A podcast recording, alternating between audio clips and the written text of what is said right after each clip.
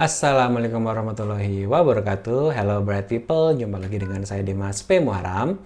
Di seri video ASN sharing kali ini, saya mau sharing salah satu tahapan dalam proses CPNS itu yang cukup penting, uh, yaitu adalah proses pemberkasan setelah kamu lulus seleksi kompetensi bidang. Nah, jadi apa apa saja sih tipsnya? Lalu bagaimana pengalaman saya dulu um, ketika sedang proses tahap pemberkasan dan juga di akhir video nanti kita akan bahas kira-kira untuk kamu yang formasi uh, disabilitas perlu tidak sih untuk menyerahkan kembali surat keterangan penyandang disabilitas. Nah, kita akan jawab di video kali ini ya. Jadi buat kamu yang sudah lulus SKB atau kamu yang belum lulus atau mungkin masih menunggu pengumuman atau juga buat kamu yang uh, belum melamar CPNS tapi baru tertarik dulu, jadi main pantau-pantau dulu. Nah, ada baiknya video ini kamu tonton sampai habis ya. Dan saya juga ingin terima kasih buat Bright People semua yang sudah subscribe channel Dimas P Muharam ini, sudah bantu like juga dan juga share. Itu sebuah apresiasi yang luar biasa banget buat saya dan semoga apa yang kita sharing, kita obrolin bareng di sini bisa bermanfaat ya buat uh, teman-teman uh, semua. Tapi buat kamu yang belum subscribe, hmm, cukup tahu aja. Oke, okay, let's get started ya. Nah, jadi sebelumnya saya ingin mengucapkan selamat dulu nih buat kamu yang sudah lolos uh, seleksi kompetensi bidang. Jadi, congratulations, selamat buat teman-teman yang sudah lulus. Um, bisa dikatakan lulus SKB itu ya semacam 95% lah ya, 95% kamu sudah menjadi CPNS, tinggal proses pemberkasan dan juga nanti terima SK CPNS. Nah, kenapa 95%?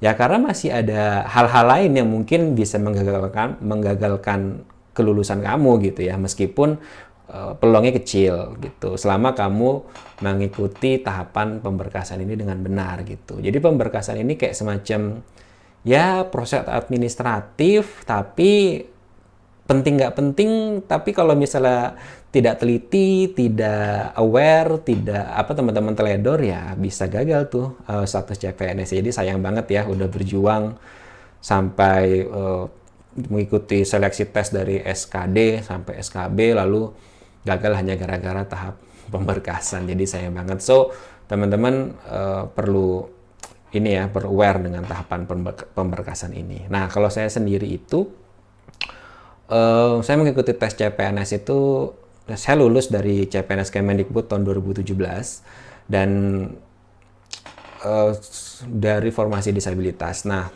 saya itu juga sudah mengikuti um, seleksi itu sebetulnya dari tahun 2012 kalau nggak salah ya.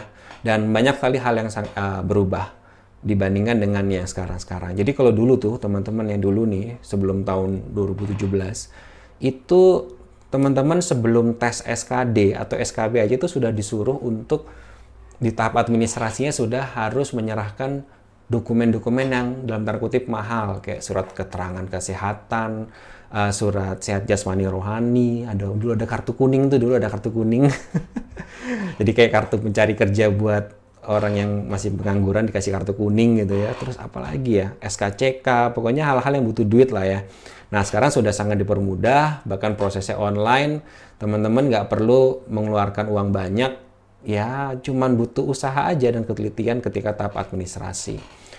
Ketika tes SKD, SKB juga prosesnya bersih, nggak ada aneh-aneh, teman-teman nggak diminta biaya apa pun ya, paling ongkos doang kalau ke tempat tes yang agak jauh paling cuma ongkos. Nah, ketika di pemberkasan ini, pemberkasan itu sebetulnya adalah tahapan kayak semacam konfirmasi teman-teman. Jadi kamu yang sudah lolos, sudah melampirkan bukti administratif, nah biasanya instansi itu minta bukti hard copy-nya kalau memang kamu itu ya betul-betul sesuai dengan apa yang kamu di tahap administrasi lalu. Gitu. Jadi kalau misalnya ada yang nggak jujur di tahap administrasi, nah itu mungkin bisa terdiskualifikasi ketika tahap pemberkasan ini. Kayak misalnya kayak misalnya apa sih ya misalnya contoh ngasih ijazahnya ijazah palsu misalnya. Nah, itu mungkin bisa terdetek di uh, tahap pemberkasan atau yang lain-lainnya. Gitu. Nah, jadi kita perlu syukur dulu yang pertama bahwa tahapannya sudah sangat berbeda dengan sudah sangat memudahkan. Jadi teman-teman harus banyak bersyukur lah ya. Termasuk saya juga waktu itu. Nah, lalu tipsnya apa sih untuk tahap pemberkasan ini agar kita itu bisa lolos dan melewati tahap ini dengan mulus gitu ya, nggak ada hal-hal aral melintang gitu ya. Yang pertama yang jelas harus baca aturannya dengan seksama teman-teman. Jadi baca aturannya. Jadi ketika di pengumuman itu biasanya kan akan ada lampiran. Misalnya persyaratan pemberkasan lampiran satu atau lampiran dua. Nah teman-teman harus baca pengumuman dan juga lampiran yang sesuai dengan instansinya gitu loh. Jangan nanti misalnya ngelamar atau ngelamar dan lolos SKB di misal contoh Kemendikbud tapi bacanya yang uh, pengumumannya Kemenkes misalnya. Nah itu karena tiap um, pengum atau tiap instansi itu bisa jadi beda uh, persyaratannya. Misalnya ada yang membutuhkan surat A, B, C, D, tapi ada yang uh, ya lain tidak butuhkan surat yang C, tapi ada surat E misalnya. Nah itu teman-teman harus aware dengan itu. Jadi baca baik-baik. Jangan hanya katanya-katanya misalnya, oh, menurut ini perlu ini, menurut ini perlu ini gitu kan. Tapi belum tentu sesuai dengan instansi teman-teman. Jadi baca sekali lagi, berulang kali, bisa jadi dua kali, tiga kali itu um, penting banget ya teman-teman. Termasuk juga aturan-aturannya. Misalnya ketika disebutkan berkas-berkas dimasukkan ke dalam map warna apa misalnya. Itu jangan ya jangan macam-macam lah ya. Nggak ada sulitnya kok. Misalnya cuma nyari map yang warna kuning atau warna biru sesuai dengan formasinya gitu misalnya. Itu harus dibaca detail banget. Jadi jangan um, bukan meremehkan ya tapi kayak semacam ya nyepelein lah gitu. Tapi itu penting gitu. Sepele tapi penting gitu. Ikutin aja lah nggak ada salahnya juga itu kan. Itu untuk memudahkan panitia sebetulnya ketika menyeleksi.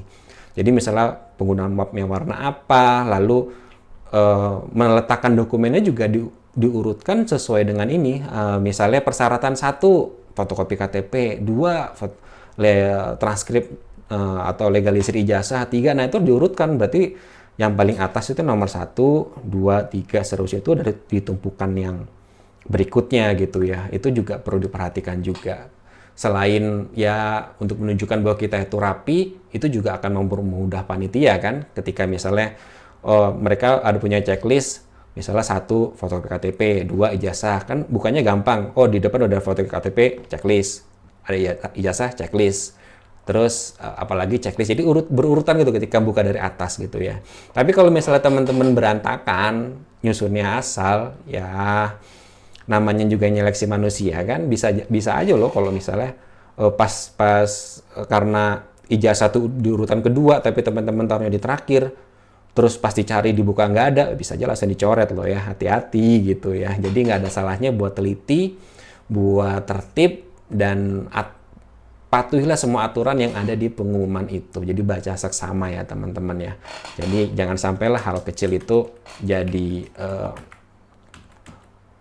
penghalang buat teman-teman ya gitu. Nah terus uh, yang kedua jangan takut buat modal teman-teman. Nah salah satu persyaratan pemberkasan itu biasanya adalah harus menyertakan surat keterangan berbadan sehat atau sehat jasmani dan rohani biasanya gitu. Nah itu biasanya di um, apa ya di rumah biasanya itu ada keterangannya lagi misalnya harus keterangan dari dokter pemerintah. Terus ada misalnya kalau ada keterangan yang lagi minimal RSUD ya teman-teman ikutin gitu ya. Teman-teman ikutin.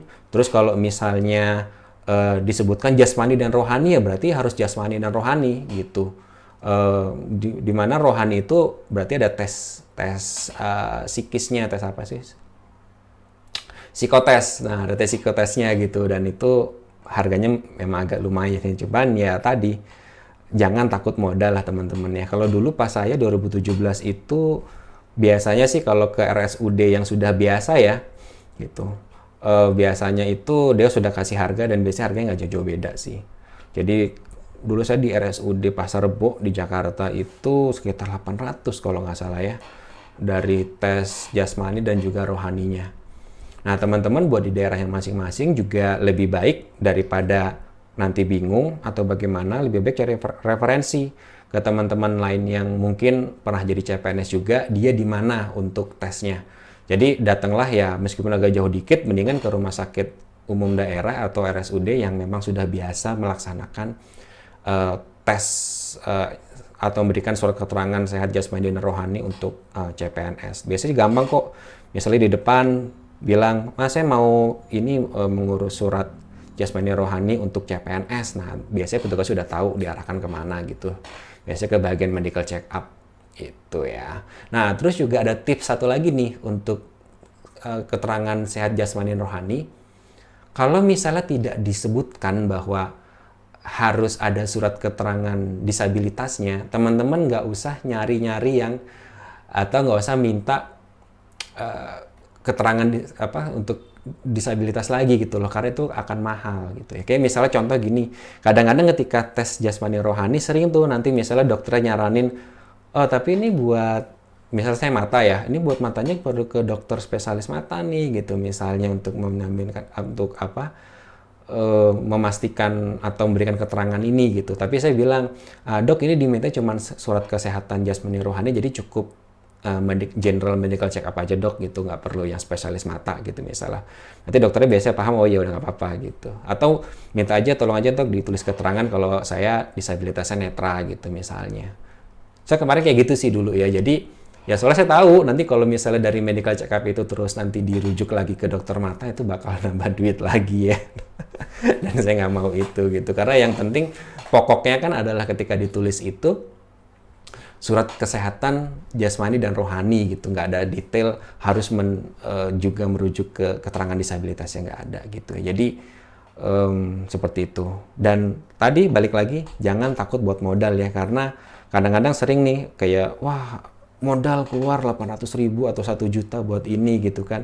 Ini nggak ada nggak ada apa-apanya teman-temannya dibandingkan nanti teman-teman dapat pekerjaan yang tetap hingga teman-teman pensiun. Pendapat yang teman-teman dapat itu nggak ada nggak sebanding sama sekali dengan yang teman-teman modal keluarkan di sini ya. Ketika uh, untuk mengurus surat-surat ketika pemberkasan ini gitu ya. Total-total paling banyak habis berapa ya?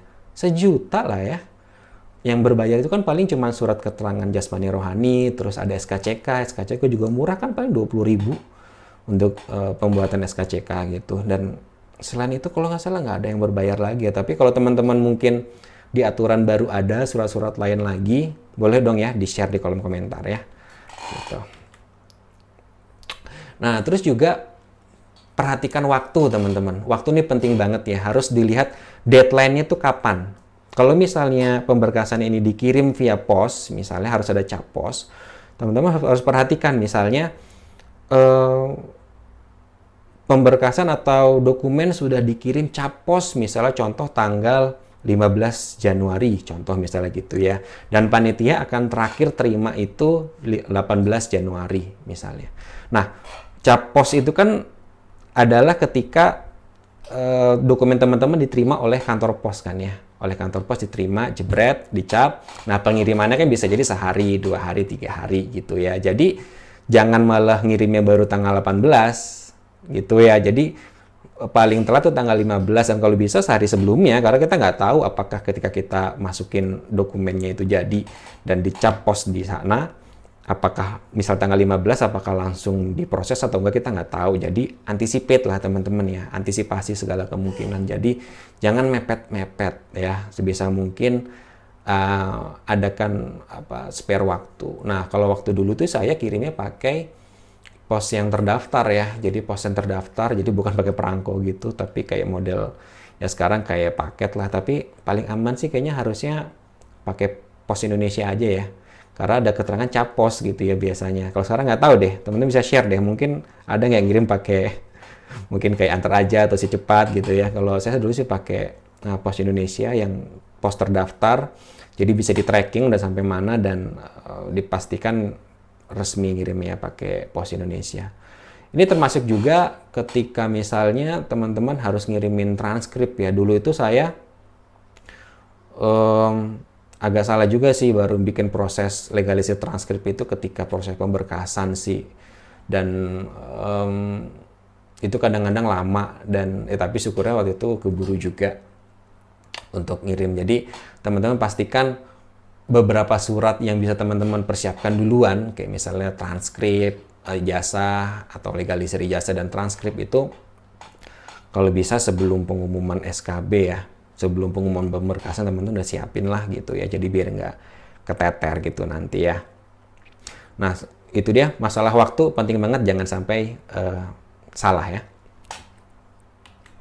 nah terus terakhir nih apakah perlu nggak sih untuk mencantumkan kembali surat keterangan disabilitas.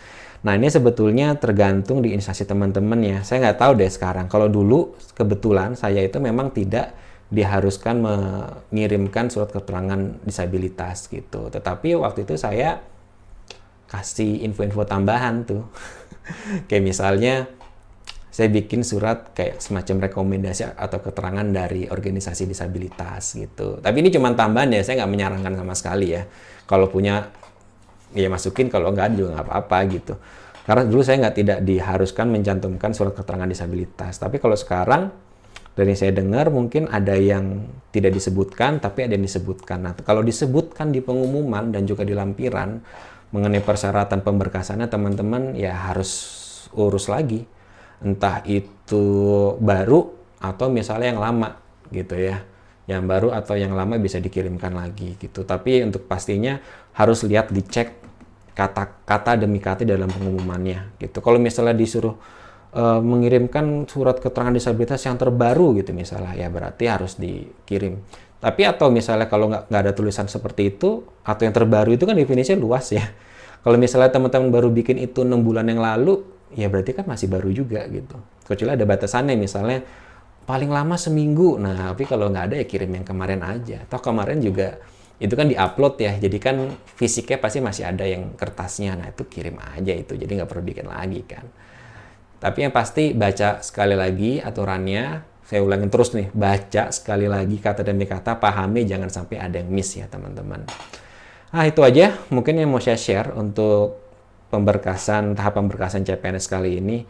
Semoga teman-teman sukses, berhasil, nggak ada yang miss ya, nggak ada yang miss, um, tidak tidak ada dokumen yang kurang, tidak ada dokumen yang kelewat, sehingga tahap pemberkasan ini menjadi satu langkah lebih dekat lagi teman-teman untuk mewujudkan uh, cita-citanya atau tujuannya menjadi uh, seorang calon pegawai negeri sipil gitu ya. Oke, okay? thank you, uh, thanks for watching. Jangan lupa di subscribe. Buat yang belum, klik like dan juga share ya di bagian ke teman-temannya. Uh, Dimas Prasetyo Muharam signing out and see ya.